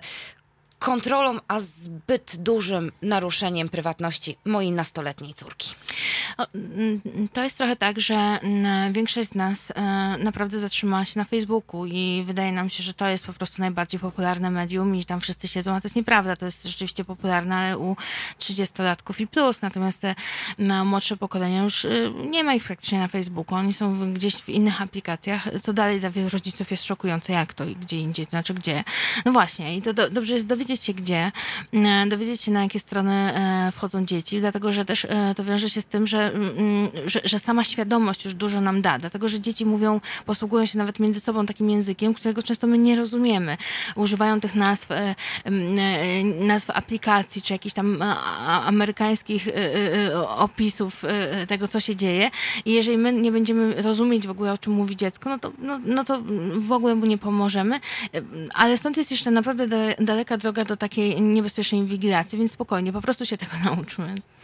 Proszę Państwa, a czy Państwo Państwo kontrolują aplikacje, z jakich korzystają Państwa dzieci? Z tym pytaniem Państwa zostawiam, przypomnę jeszcze na szybko numer telefonu 22 390 59 22. Czekam na Państwa telefony. Halo Radio. Pierwsze medium obywatelskie. Dzień dobry, dzień dobry. Do tych Państwa, z którymi jeszcze nie miałam okazji się przywitać. Pan Wiktor napisał, że zadaniem rodzica jest ciągła praca nad wysokim poczuciem wartości dziecka. No właśnie. A to nie jest e, przecież e, tak naprawdę takie trudne, wystarczy nauczyć się pewnych mechanizmów. E, tak, ale żeby nauczyć dziecka pewności siebie, to samemu trzeba być pewnym siebie. I tutaj zaczynają się schody, bo e, rodzice z kompleksami, rodzice niepewni e, własnej wartości, mający mm, stale w głowie porównywanie się z innymi osobami, no nie są w stanie mm, nauczyć dziecka, że ma siebie kochać, siebie lubić, siebie szanować i akceptować, bo nawet jeżeli będzie próbował, to i tak będzie to niewspółmierne z jego wizerunkiem, więc efekt będzie mizerny. Więc tutaj znowu mm, warto zacząć od siebie dbać o swój dobrostan psychiczny, o swoje, e, o, o swoje takie zdrowie, e, zdrowe podejście do siebie i e, o wysoką samoocenę i wtedy taką postawą zarażać swoje dziecko. Więc dlatego ja, ja tak zawsze apeluję do tego, żeby pamiętać, że nasze kompleksy odbijają się na naszych dzieciach bardzo, bardzo mocno i przez nasze kompleksy dzieci też będą miały zupełnie bez powodu kompleksy, więc dobrze jest naprawdę nad tym pracować. Zresztą ja zawsze swoim pacjentom e, mówię tak, że ha, kompleksy to są dla nastolatków. Naprawdę jesteśmy za starzy, żeby mieć kompleksy. Jak mamy już po 30, to już naprawdę trzeba się po prostu siebie akceptować, te wszystkie swoje wady i nie, e, i nie zawracać sobie głowy kompleksami. No, natomiast niestety często oczywiście jest tak, to ja się śmieję, bo często rzeczywiście jest tak, że my mamy lat 30, 40, 50 i dalej e, w głowie dudni nam krytyk wewnętrzny, czyli taki wewnętrzny głos głos naszego na przykład rodzica, czy jakiegoś pierwszego szefa, który nam mówi, ale jesteś beznadziejna, wszystko robisz nie tak, nie nadajesz się do niczego, jesteś fatalną matką, fatalną żoną, fatalną kochanką, mm, e, nie nadajesz się, e, czy, czy, czy, czy mężczyźni oczywiście także mają taki głos, tutaj bardziej powiedziałam ze, z kobiecej perspektywy, ale faceci mają dokładnie tak samo, I dobrze jest się tego pozbyć, bo wtedy, jeżeli my e, zaczynamy walczyć z własnym krytykiem wewnętrznym, to się super to odbija na, na dzieciach. No właśnie, tutaj pojawił się też. E no, ciekawe spostrzeżenie, bardzo ciekawy paradoks. Rodzice, którzy chcieliby kontrolować w pełni to, co robi ich dziecko w sieci, są oburzeni w przypadku, kiedy inwigiluje ich rząd. No właśnie, gdzie jest ta granica między. Mhm. Y, trzymam rękę na pulsie, bo mam obawy związane z tym, że moje dziecko może w sieci ulec e, pewnym niedobrym zachowaniom, mhm. niedobrym rzeczom, a mm, wchodzę w inwigilację, bo można tak naprawdę zwariować. Moglibyśmy sprawdzać każdy SMS, instalować różnego typu mhm. E, aplikacje, o których nasze dzieci nie miałyby zielonego pojęcia inwigilowane przez rodziców są te dzieci, które mają kłopoty z komunikacją między, z rodzicami. To znaczy w takich rodzinach, gdzie rzeczywiście jest jakiś chłód, jest jakiś mur, e, nie ma zdrowe, nie ma zaufania do siebie, to znaczy dziecko nie ma zaufania do rodziców, rodzic nie ma zaufania do dziecka, to wtedy rzeczywiście pojawia się inwigilacja, jeżeli rodzic chce tutaj bardzo stanąć na wysokości zadania. Natomiast w rodzinach, gdzie są zdrowe granice, e, ta inwigilacja polega tylko na tym, że my mamy świadomość tego, co robi dziecko z kim, e, jakie ma aplikacje w telefonie. My to po prostu wiemy i znamy i, jesteśmy otwarci też na to, żeby dziecko nam o tym opowiadało, dlatego że ja uważam, zauważam, że dzieci chętnie opowiadają, czy, e, czy chcą się nawet otworzyć przed rodzicami i opowiadać im o swoich trudnościach, ale rodzicom się nie chce tego słuchać. Rodzice są znudzeni, uważają, że no, są takie tam tematy nastolatków, kogo, co, kogo to obchodzi.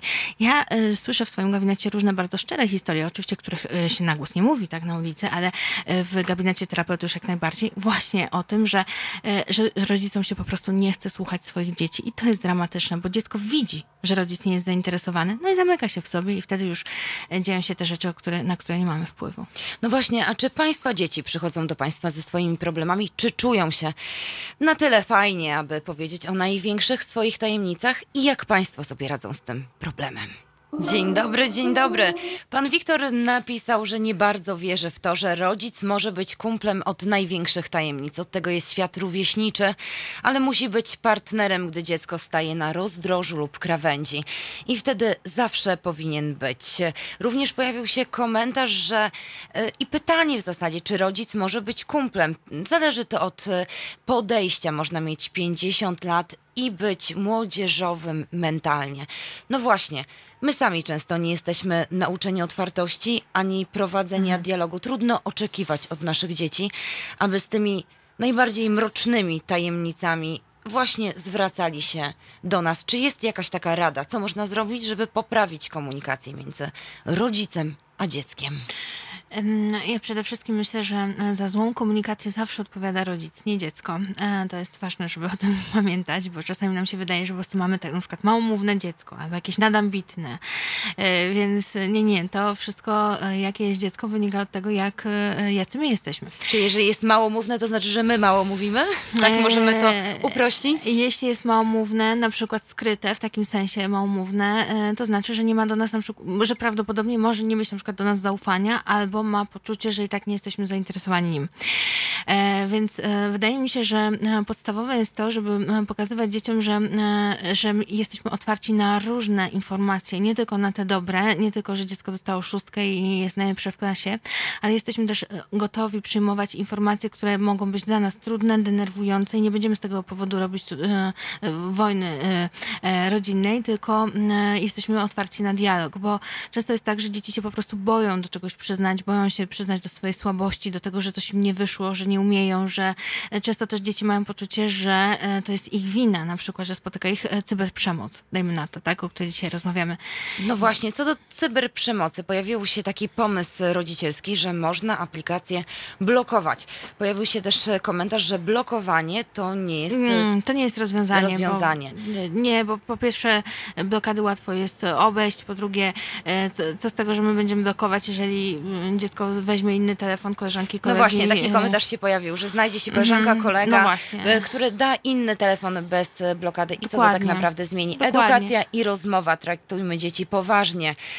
No właśnie. Dziecko to jest mm, tak samo jak my, y, tak jak dorosły, tylko trochę mniejsze i, i y, zwłaszcza myślę o nastolatkach i w taki sposób jak z dorosłymi, z takim samym szacunkiem jak do dorosłych powinniśmy się do dzieci zwracać. Em, Natomiast em, prawda jest taka, że my tutaj zastanawiamy się nad jakimiś naprawdę, często rodzice zastanawiają się nad takimi zachowaniami, jakimiś, jakąś taką prewencją niesamowitą, że właśnie tutaj blokada, to specjalny telefon kupić, a może nie wiem, jakieś mieć założoną kamerkę czy coś tam. Tymczasem prawda jest taka, że im więcej rozmowy, im więcej dialogu, tym mniej sekretów. Dziecko, Pani- które ma zaufanie, też jest w stanie powiedzieć naprawdę o wszystkich e, bolączkach i o wszystkich swoich przewinieniach. Pani Agnieszka napisała, rodzic y, nie jest kumplem. Dziecko powinno traktować rodzica inaczej niż kolegę. Rodzic może być przyjacielem. Istotne, czy dziecko ufa i wierzy, że nie zostanie odtrącone. Dokładnie, no właśnie to jest to, o czym mówię, że jeżeli dziecko ma zaufanie i wie, że e, z powodu swojego przewinienia nie oberwie, nie, nie dostanie jakiegoś, mm, jakiejś, mm, jakiejś bardzo dużej kary albo awantury, to będzie się otwierało. Tylko oczywiście trzeba pamiętać też, że no jeżeli dziecko dopuści się jakiegoś czynu, który jest e, e, mm, karygodny, no to też trzeba tutaj wy, wyprowadzać konsekwencje w porozumieniu z dzieckiem, em, i, i, a nie po prostu puszczać płazem, bo rodzic kumpel to mi się kojarzy z takim rodzicem, który nawet jeżeli dziecko na przykład jest sprawcą owej przy, e, przemocy, to będzie mówił, a trudno, nie przejmuj się, e, e, olej to, a tutaj jednak ważne jest ten, to wychowanie i to jednak, żeby też były jakieś konsekwencje też zachowań przemocowych, czy, nie, czy, czy, czy, czy, czy takich na, nadużywających naszych dzieci. No właśnie o tym, jak wypracować sobie u własnego dziecka autorytet, tak aby być najlepszym przyjacielem. Na to pytanie postaramy znaleźć odpowiedź już za chwilę.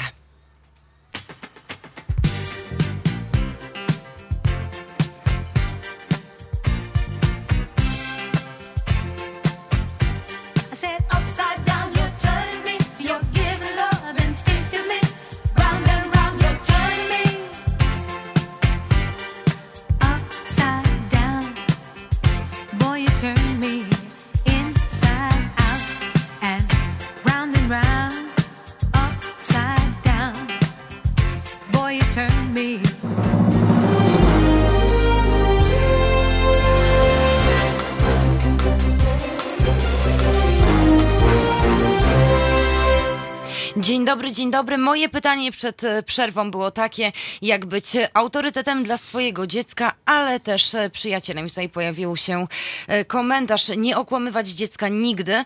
I odpowiedzi. E, Nikogo nie powinno się okłamywać. E, Nie ma na świecie osoby, która nigdy by nie kłamała. Codziennie kłamiemy bez drobnych kłamstw.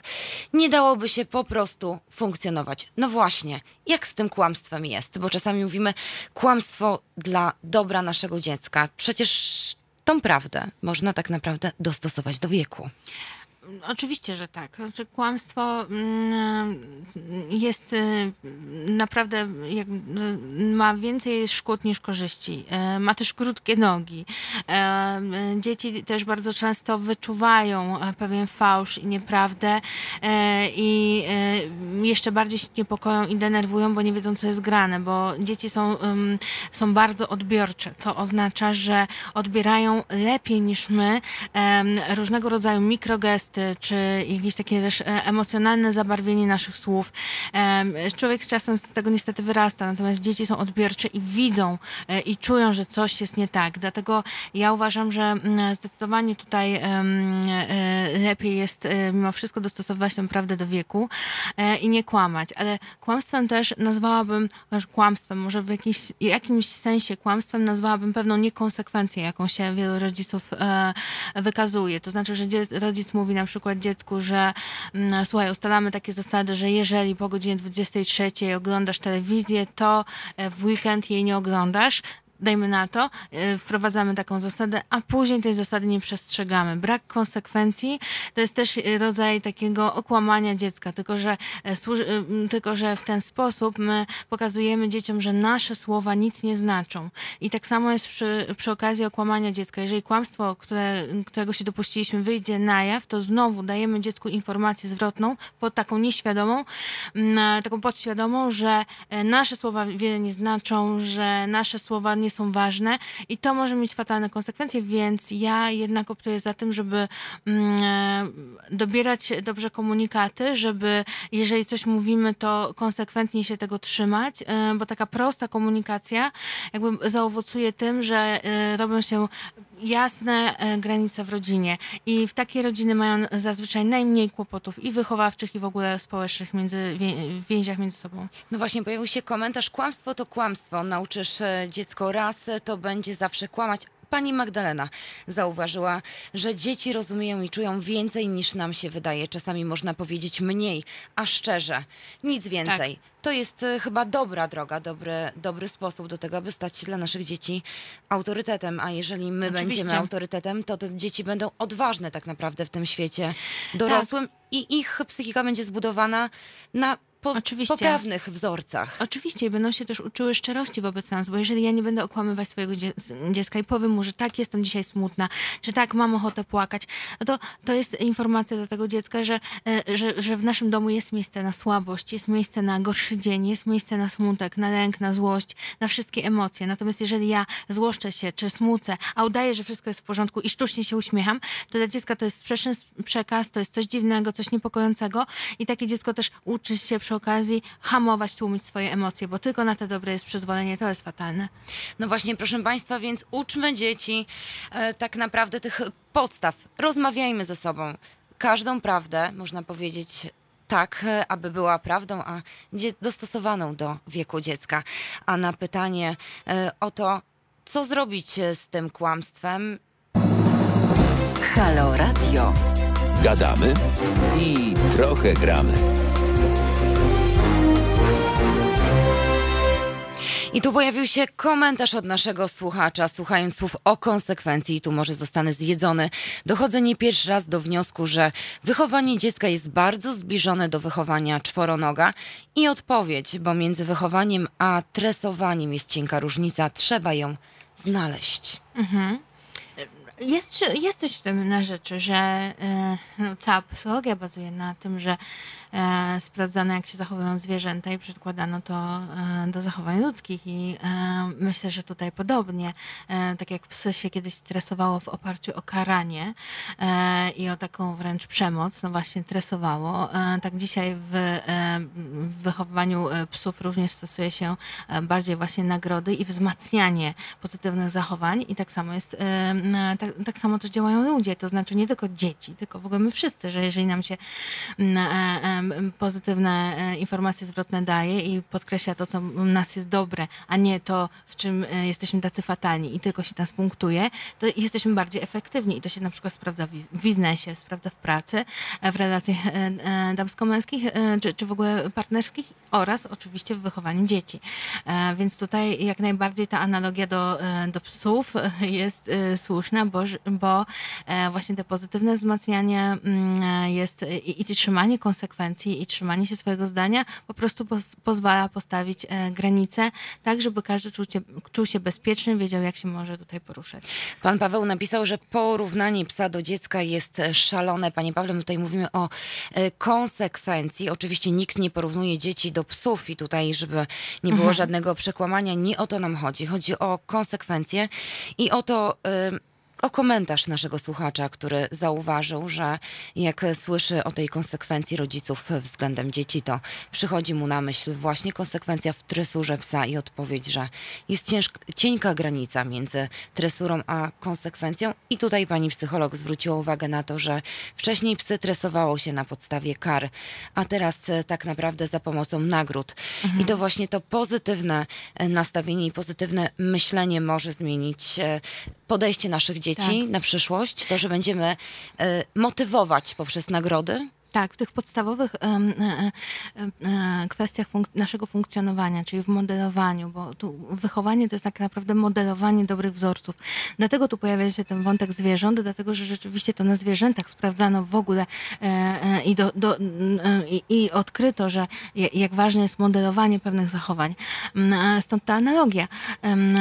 Natomiast tutaj jeszcze to, co nas odróżnia, to to, że nie tylko chodzi o to, żeby wymodelować pewne właściwe zachowania u dziecka, dziecka, ale też chodzi o to, żeby rozwinąć jego emocjonalność, jego wrażliwość, jego e, samoświadomość. To już jest wyższa szkoła jazdy i na to trzeba poświęcić uwagę, nie tylko właśnie stosując jakieś takie tabelki z, z karami i nagrodami, czy wzmacnianie, e, ale też i właśnie poświęcać czas na rozmowę, na e, pogłębianie świadomości tego, kim jest nasze dziecko, jakie jest nasze dziecko, jaki ma temperament, jaki ma charakter i też pomoc w samorozwoju dziecka. No to już są naprawdę trudne rzeczy. Na szczęście jest wiele podręczników i wiele możliwości dowiedzenia się, jak to zrobić i jak, e, jak wychować dziecko na, fajną, na fajnego człowieka. No właśnie, pojawił się też e, komentarz, że sama krytyka nigdy do niczego dobrego nie doprowadzi. I Oczywiście. pytanie, jak mamy być konsekwentni wobec dzieci, skoro sami nie jesteśmy konsekwentni wobec siebie? Proszę zostać z nami. Na to pytanie pani psycholog odpowie już po przerwie.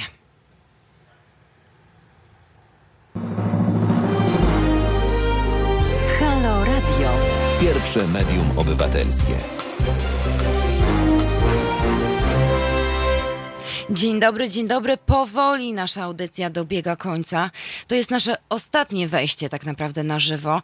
Mm, Pojawił się komentarz, że dziecko musi rozumieć, co robi źle, a zamiast kłamać trzeba po prostu użyć adekwatnego języka do odbiorcy i tyle.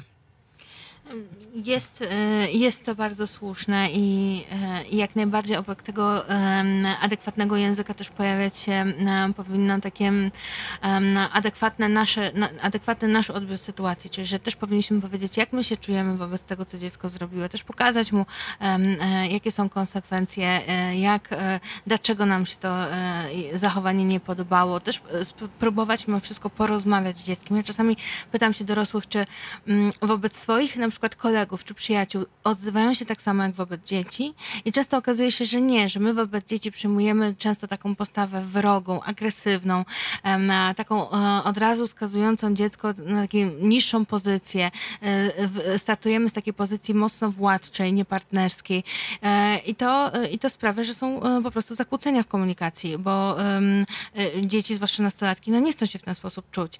Więc gdybyśmy my do dzieci w taki sam sposób, gdybyśmy my krytykowali dzieci w taki sam sposób, jak na przykład krytykujemy swoich e, przyjaciół, czyli z taktem, z szacunkiem, jednak mimo wszystko delikatnie, ale stanowczo, ale stanowczo, to, to prawdopodobnie dużo bardziej byśmy mogli tutaj e, więcej uzyskać porozumienia, komunikacji i bardziej wychować, niż tylko na przykład nastraszyć i żeby następnym razem dziecko wyniosło taki przekaz, okej, czyli muszę uważać, e, będę dalej zachowywać się tak, jak się zachowuję, tylko po prostu muszę uważać, żeby nie wpaść, żeby, Żeby się nikt na na przykład tym nie nie dowiedziała, tak, że palę papierosy, dajmy na to, tak? To są, em, e, więc, więc wydaje mi się, że jednak nić porozumienia i próba mimo wszystko wejścia w temat, a nie od razu oceniania, krytykowania i zabraniania, zakazywania, jest tutaj drogą do tego, żeby dziecko zaprzestało takich zachowań. No właśnie i tak naprawdę wróciłyśmy do początku naszej rozmowy i do tak naprawdę pierwszego telefonu o tym, aby nikogo nie krytykować, bo jesteśmy różni i mamy prawo do różnych zachowań. Oczywiście jedne mogą nam się podobać,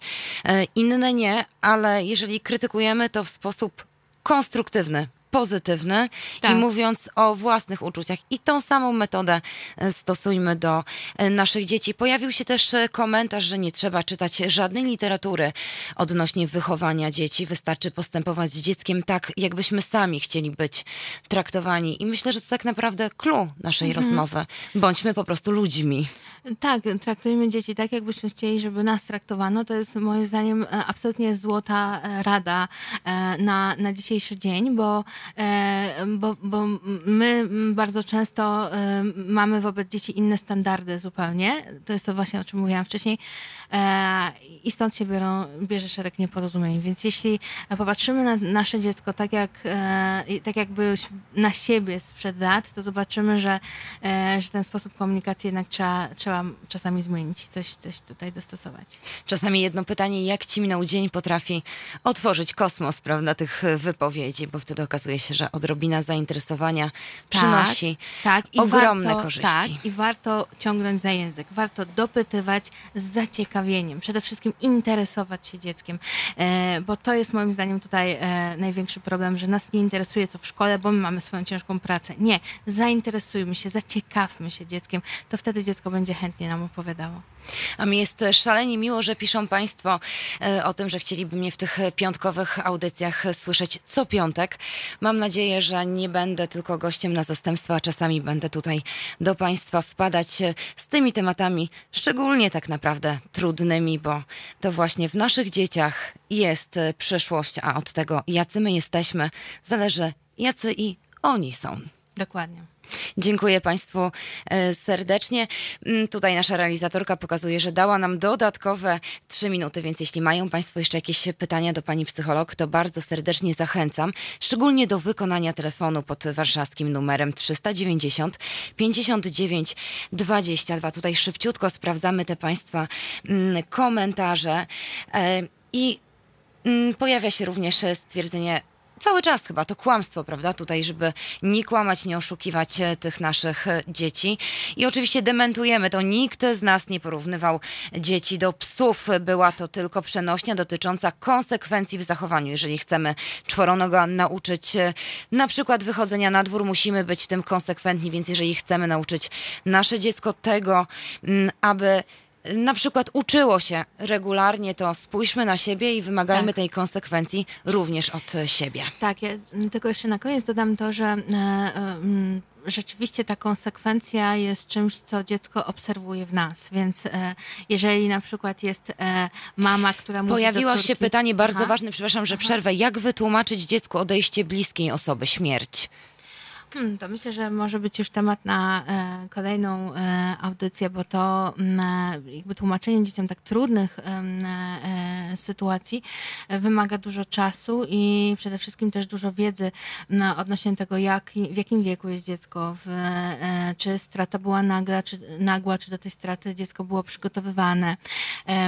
Natomiast tutaj myślę, że liczy się przede wszystkim taka możliwość wsparcia emocjonalnego i, i pozwolenia dziecku na przeżycie e, swoich uczuć tak, e, jak ono tego chce, ale z naszym tutaj zupełnym e, supportem, bo dzieci mają często tendencję do, e, w takich sytuacjach do zamrażania się i parentyfikacji, czyli do wchodzenia w rolę dorosłej osoby, czyli w wielu rodzinach po takich tragediach zdarza się tak, że to dziecko przejmuje rolę na przykład osoby, która pociesza płaczącą na przykład mamę po śmierci taty. To dziecko jakby dźwiga się często pierwsze z tragedii rodzinnej po to, bo tak, jest w tak silnym lęku i w tak silnym stresie, że stara się na, e, ratować pozostałych członków rodziny, więc dobrze jest w takich tragediach rodzinnych zwracać uwagę na dziecko, które często nie pokaże, jak bardzo jest e, straumatyzowane, e, będzie robiło minę, e, do, dobrą minę do złej gry, my będziemy skupiać się na swoim bólu, a później niestety ta żałoba będzie się ciągnęła nawet przez lata,